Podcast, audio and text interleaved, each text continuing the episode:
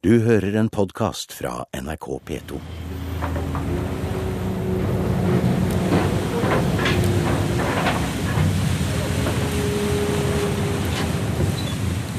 Motor Abstellen står det. Vi er godt gått om bord på en ferje her nå, Trond. Og nå skal vi også gjøre det som var om å gjøre for styrkene i dette felttoget som vi følger i 1813, nemlig å krysse over Eideren.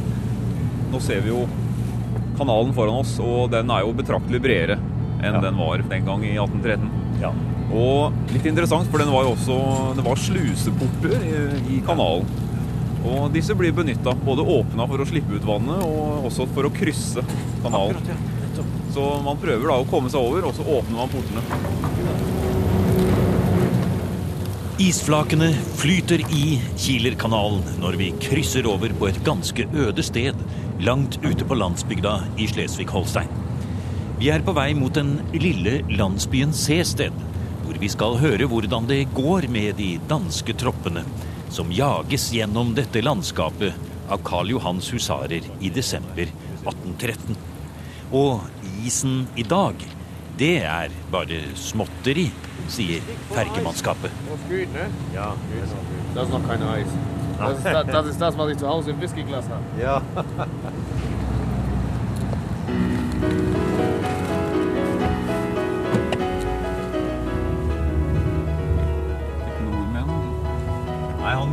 var ikke noe is der, sånn. Det, det er ikke noe is, det. Det er ikke mer is enn det vi har i whiskyglasset. det, sånn.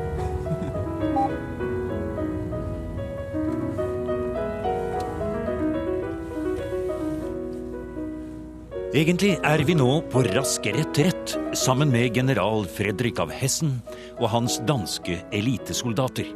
Bak oss kommer kronprins Karl Johans nordarmé, som har vært med på å slå Napoleon ved Leipzig bare noen uker tidligere.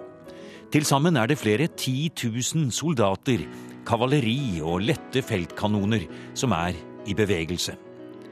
I forrige program fortalte historiker Trond Svandal om hvordan de danske baktroppene først ble angrepet ved byen Bornhøved, litt lenger syd i retning Hamburg.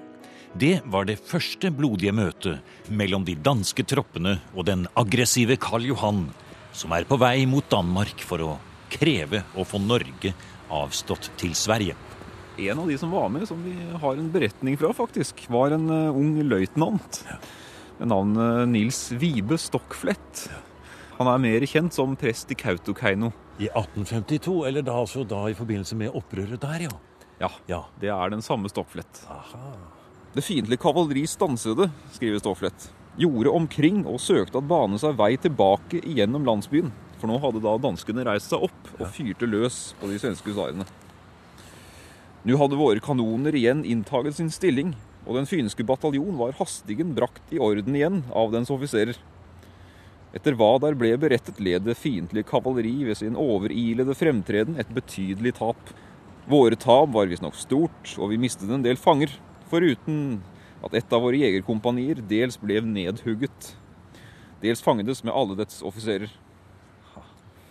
Denne trefningen ved Bornhøved, det er jo en, en kamp mellom den danske baktroppen og den svenske fortroppen. Så dette, dette var ikke noe oh, her begynner klokka å slå. Ja, ja, vi står utenfor kirken her i Bornhøved. Ja, så dette var ikke noe avgjørende hovedslag. Dette var ikke noe avgjørende hovedslag. Det var bare ett slag også der. Det var bare ett slag.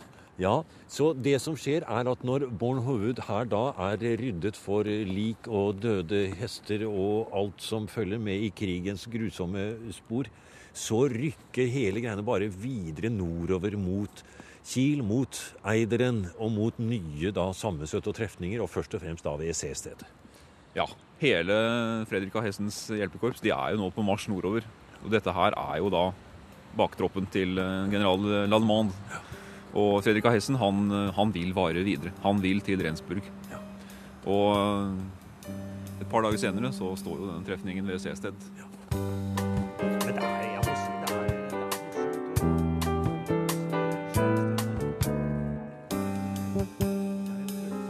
Og det er derfor vi krysser Kielerkanalen. Vi skal til landsbyen Sested, som ligger like nord for elven Eider. Landskapet vi kjører gjennom er stort og åpent, Og det er lett å forestille seg hvordan ryttere og marsjerende soldater i 1813 rykker fram gjennom grenselandskapet her i Holstein. En stor grind som står her. Vi følger med et gjerde med piggtråd, jorder. Og der oppe ligger en svær herregård. Holstein var jo et eh, landskap prega av godsstrukturen og Ja. godseierklassen, som var eh, utrolig rike og mektige. Og så er det jo like ved sjøen her. da. Ekkenførde ligger like her nede. Handel, kanskje. Det er det det gjør, og det er kort vei til Kiel, og det er kort vei til Rensburg, så ja, dette her er et sentralt område. Og der står eh, de moderne vindmøllene i terrenget her og, og padler eh, rundt. En nedrast låve fra 1837 ligger bak der. Og en og annen bil kjører forbi, og vi snur oss her, og så ser vi noe som vi vel litt respektløst måtte kalle for en, eh, ja, en bekk. Ja, ved første øyekast så ser det ut som en, eh, en bekk, da, eller i, i verste fall en grøft. Men så ser vi jo skiltet som står her, da. Her står det jo Alte Eider. Ja, den gamle Eiderelven. Og det er jo nettopp det det er. Dette er, eh, er nok deler av den gamle Eiderkanalen. Nå er vi på en liten trebro over her, for som, som er bygget for at de som er ute og rir med hester, skal bruke denne og ikke være oppå veien. Det står et skilt her. Og den er ikke så stor, denne gamle Eider. Nei, den er jo bare noen få meter eh, bred, og den er jo ikke dyp. Nei. Et eh, kavaleri som sprenger eh, frem her, vil kunne Over her så spruten fyker. Ja, vi kan jo se for oss det. Samtidig så mm, er det jo ganske lav vannføring her nå, da. Det er det. Men samtidig så må vi tenke oss denne elva som eh, kanskje litt større. Det har sikkert grodd igjen etter eh, Landbruk og århundrer med landbruk. Ja. Men eh, vi må samtidig forestille oss at en sånn elv, selv om den ikke var så stor, kunne være en hindring. Men var det derfor, som du forteller, at de hadde sluser åpnet igjen, satte på vann osv. for å få kanskje større vannføring, hindre fienden i å trenge over? Ja, og dette var jo en del av transportnettverket i området her også, Ja, i fredstid. Og det er klart, åpner du en sluseport og fienden står på nedsida, så er det en stor fare. Det er lyden fra gamle Eider, som en gang i tiden var en eh, veldig viktig eh, strategisk eh, elv, må man nesten si, i hvert fall i helstaten. Ja, den var det, og dette var jo grenseelva for det tysk-romerske riket. Denne lille bekken som vi står ved her. Et historietungt landskap, denne elvedalen som, som Eide renner gjennom her, og som vi har stanset ved bare for å på en måte få et eh, historisk eh, bilde eh, på netthinnen her. Hvit, snødekte jorder ligger det her nå, og denne sorte elven som eh, snor seg gjennom landskapet. Og det er jo, eh, når vi ser utover liksom, det bølgende landskapet her med noen små treklynger, så er det jo I all sin enkelhet så er det jo et vakkert eh, landskap. Ja.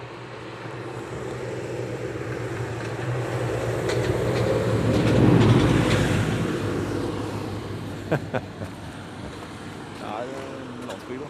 Ja. Traktorene kjører forbi her, og de holder på og holder vårt gamle dansk-norske område i stand. Men vi får jo heller ikke glemme det, da, at eh, det slesisk-holstenske de har vel aldri oppfattet seg selv som noen naturlig del av Danmark-Norge. De har gjerne vilt se på seg selv som enten helt selvstendig, eller som del av noe helt annet enn Danmark-Norge. Ja, det, dette har jo vært et eh, problem opp gjennom eh, århundrene, det. Og hertugdømmene Slesvig og Holstein var jo, var jo på en måte en enhet for seg selv. Eh, men hadde da den dansk-norske kongen som også sitt overhode. Men, eh, men det har vært et problematisk forhold, og det har vært et vennskapelig forhold. Og de har ønsket selvstendighet. Og de har ønsket selvstendighet, Og og de har gjort opprør. de har gjort opprør flere ganger. og for å gjøre bildet enda mer komplisert, så var det jo en, en lang periode deler av Slesvig og Holstein som eh, ikke var underlagt den danske kongen. Som eh, stort sett alltid allierte seg med svenskene i disse mange krigene. Og ikke fordi de ville være en del av Sverige, men fordi da kunne de lettere slippe løs fra Danmark. Ja, De eh, så det jo som sin store skrekk å bli en del av Danmark. Ja, det er et spennende område vi går i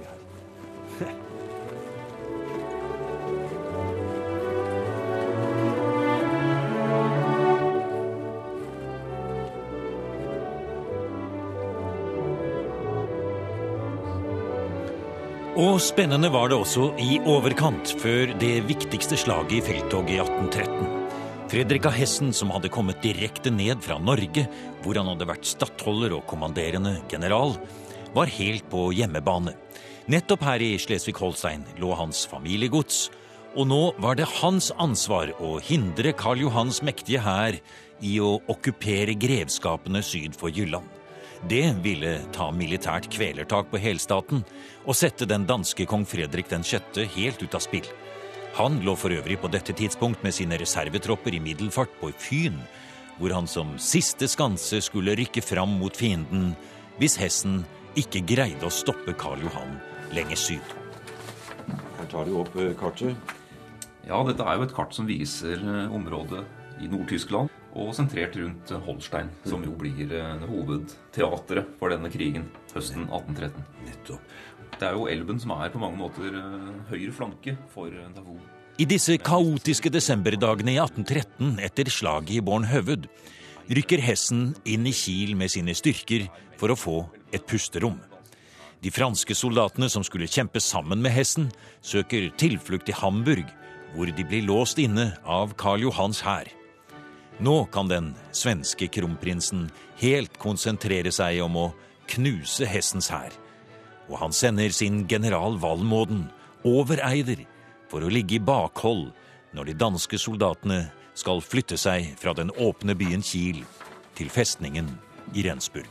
Nå er vi jo i begynnelsen av desember 1813, og man prøver da igjen en kniptangsmanøver. Nå vil man stenge Fredrik av Hessen inne og få hele dette korpset til å overgi seg. Det er det som er målet. Og svenske og tyske og russiske tropper de er allerede over Eideren. Og hvis vi ser på kartet her igjen De har gått så langt nord, ja. De har gått så langt nord. Men Fredrik av Hessen må til Rensburg. Så han krysser Eiderkanalen. Han kunne gått rett vestover, som vi ser på kartet. Rett mot Rensburg. Rett mot Det er Rensburg. kortere vei. Det er mye kortere vei. Men der ligger hovedstyrken. Karl Johans hovedstyrke.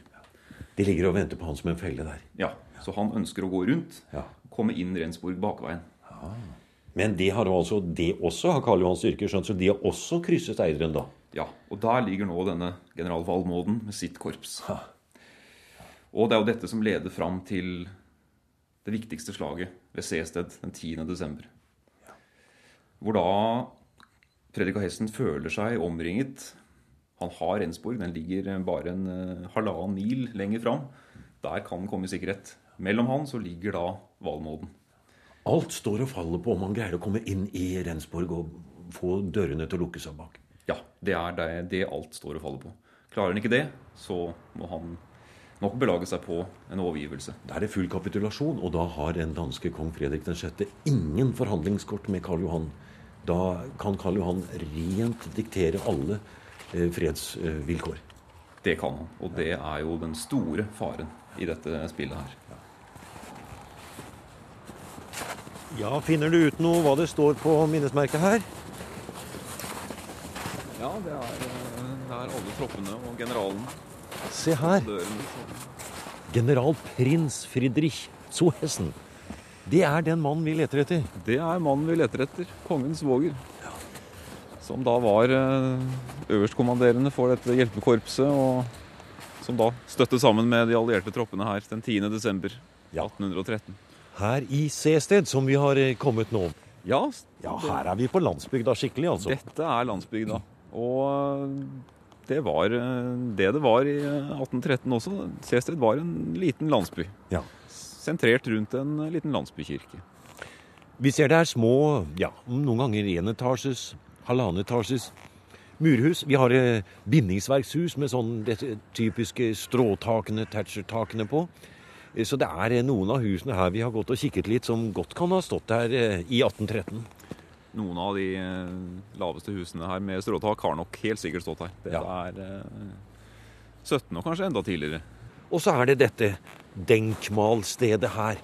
Et denkmal er altså et minnested, som de sier på tysk. Og du må beskrive det, Trond, for de er utformet på en helt spesiell måte. Ja, det er det jo. Det er, dette er et flott minnesmerke, reist av eh, Fredrik den 6., den ulykkelige kongen som eh, mister Norge i 1814. Og man måtte jo nesten reise et minnesmerke over en av de få seirene man kunne i den krigen her. Og det er jo et pompøst eh, monument. Med, vi ser kongens monogram i et, på et seiersrelieff. Gullforgylt. Og ja, man tar det man har. Ja. Og det er en eh, kanon, og det er faner, og det er en sånn flott hjelm med fjær på her, på det gullforgylte relieffet, og løven som ligger under. Og ikke minst da kanonene som eh, denne obelisken da, som dette relieffet står på, eh, er bekranset av kanoner. Ja, det er det. Her står det tolv store jernkanoner eh, stukket ned i, i bakken. Ja, og, og peker oppover, og med en kanonkule på toppen, liksom da. Ja, Og kraftige jernkjettinger imellom. Og et jerngitter rundt der, og en stor, flott trapp innenfor da, hvor, som går opp til denne lille obelisken da, som står her på torvet i Seested. det er, Ja, dette er jo utrolig å finne ut på den uh, holstenske landsbygda. Ja. Det kjører biler forbi her, for vi står på et bitte lite torv her i, i Seested i Nord-Tyskland. Og det er ikke mange veier og hus og biler her, men en og annen kjører forbi oss. Og se her, er det, vi går litt rundt. Det er til og med lagt ned krans der, jo. Se. Og den er jo et bånd på. Det, det er Og vi ser jo da, det er jo røde og hvite bånd. Det er de danske fargene. Det var merkelig å se, altså. At noen da tydeligvis holder ennå eh, tanken i hevd og minnet i hevd om dette slaget. da. Noen eh, husker nok eh, fremdeles på det. Ja. Og ellers så er det jo litt spennende å se på denne oversikten over troppene, for her har vi jo vi kan jo lese her, Det er det fynske regiment, og det er det tredje jyske regiment. Men her er det også tyskere med. Det er jo Og polske landsnærer. Se der, ja. Ja, Det er det. ja. Fantastisk å stå og se her på dette minnesmerket med en fersk krans på her, som noen ukjente har lagt der, og lese rett og slett litt av Europas historie her nå, da. Holstenske tropper, polske tropper, det fynske lette dragoneskadrillene. De var her. Og de skulle forsvare Danmark-Norge mot den fremrykkende Karl Johan. altså. Ja, dette er jo eh, På mange måter for oss nordmenn så er jo dette her det siste slaget om Norge, da. Det er eh, det er her Norges skjebne avgjøres. Og vi vet jo at en knapp måned etter slaget her så eh, underskrives jo traktaten i Kiel, som avstår Norge nettopp til Karl Johan. Da skulle man jo da tro at de, den danske, de danske elitesoldatene her med disse forsterkningene vi hører, hadde tapt her da. Men det gjorde de jo ikke. Nei, og det gjør jo denne saken eh, enda litt mer spennende, for eh, slaget ved Seestedt eh, var jo en, en ganske klar dansk seier. Ja. Fredrik av Hessen hadde trukket hele hjelpekorpset sitt fra Kiel over Eideren, som vi, Ja. som vi ser rett bak oss her, Bak oss her ja. Eh, og opp på nordsiden. Og mellom eh, Fredrik av Hessen og Rensburg så lå da dette svensk-tyske kombinerte, denne kombinerte troppestyrken. Kommandert av eh, østerrikske generalen Ludvig van Wallmoden. Og han blir nok overrasket over eh, angrepet til Fredrik av Hessen denne 10. desember. For han har spredd ut eh, hærstyrken sin eh, over et litt for stort område. Og dette skjønner Fredrik av Hessen. Men for å nå Rensburg så må han igjennom. Og det ligger en sjø like litt lenger oppe her, blant annet, og der lå det noen troppestyrker også. Det ligger en sjø Ja, eh, litt like nord for oss her. Og mellom dette området så måtte Fredrik av Hessen passere. Og det han gjør ved Seestedt, er rett og slett bare å sette inn hele hærstyrken sin og sprenger seg gjennom de allierte linjene. Her, ja. Han gjør Her det ved her. Seestedt. Ja. Akkurat her vi står nå. Ja. Og eh, han slår faktisk Valmåden så kraftig at eh, Og det inngår jo da en, en eh, kortvarig våpenhvile. Og det, det er like nødvendig for Valmåden som det er for Fredrik av Hessen. Men det er også en annen ting som gjør dette slaget her litt spesielt. Ja, når vi står og leser på dette monumentet da, over troppene som var med, så legger vi merke til at det er både danske tropper, vi har jo jytske regiment, men det er også tropper fra hertugdømmene, Slesvig og Holstein. Og slaget ved Sested er faktisk siste gang hvor danske og tyske tropper kjempet sammen. Ja. Neste gang, i 1848, så er det jo nettopp opprøret i Slesvig-Holstein. Ja. Og da kjemper man på hver sin side. Og hvis vi går enda litt lenger frem, til 1864, så vet vi jo at det er jo et stort skjebneår hvor da på ingen måte tyskerne kjemper sammen med danskene. Nei, da er man jo eh, steilt imot hverandre. Og eh, det ender jo med et eh, totalt dansk nederlag.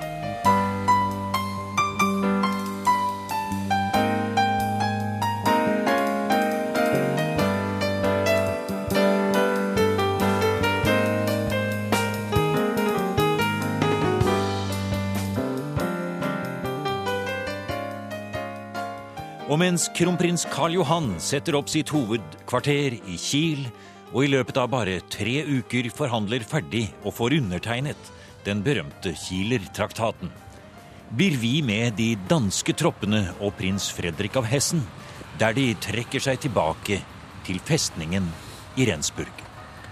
Rensburg ligger jo litt tilbaketrukket fra, fra grensa sørover. Eh, og Rensburg hadde jo da på mange måter en funksjon som, en, som et bakre forsvar. Her lå de store magasinene og depotene sikkert plassert. Trygt bak eh, solide voller. Ja.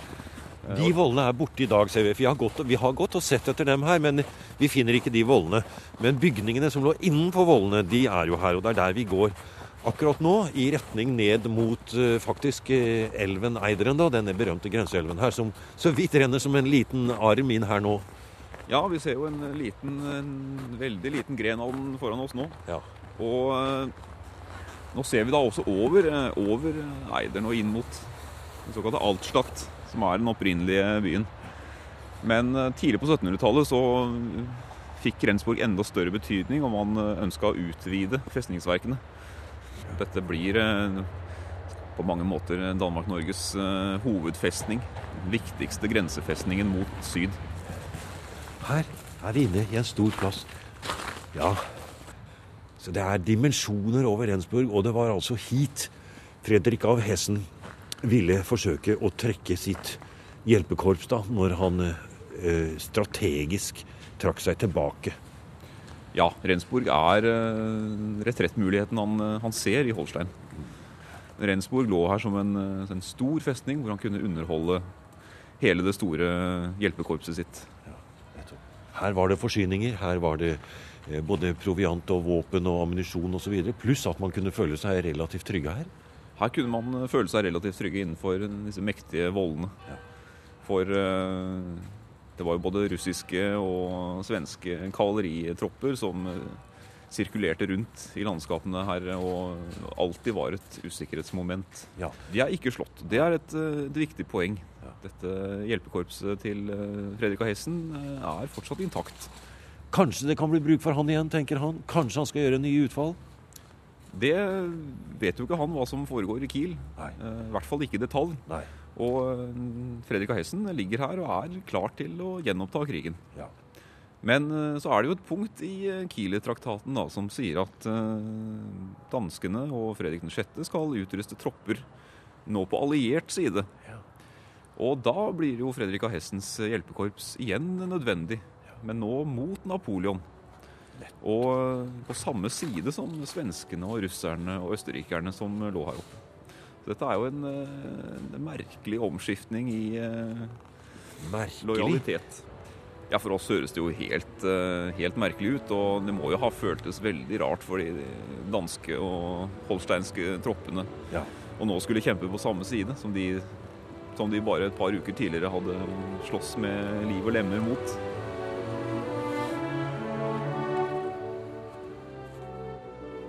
Allerede halvannet år senere møter Napoleon sitt Waterloo. Og da har Fredrik av Hessens danske styrker fra felttoget i Holstein for lengst marsjert den lange veien ned til Frankrike for å holde ro og orden i det sammenraste keiserriket. Der blir de for øvrig helt til 1818. Men vår historie tar jo en litt annen retning. For Karl Johan har også store deler av sin hær intakt når han er ferdig med å forhandle i Kiel.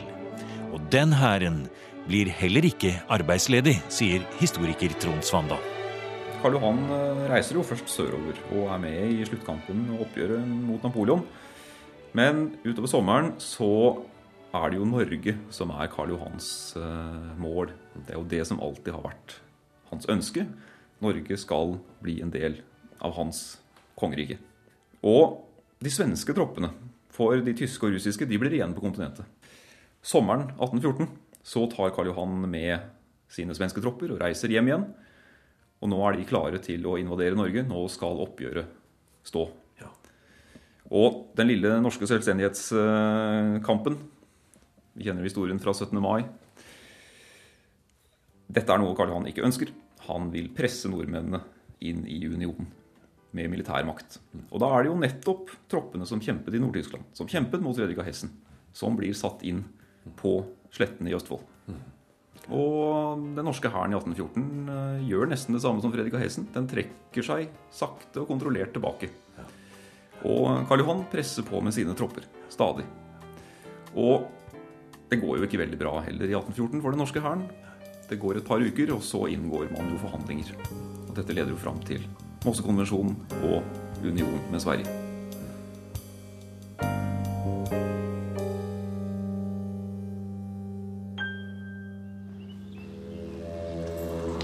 Du har nå hørt en podkast av programmet Museum fra NRK P2. Send gjerne en e-post til museum krøllalfa nrk.no.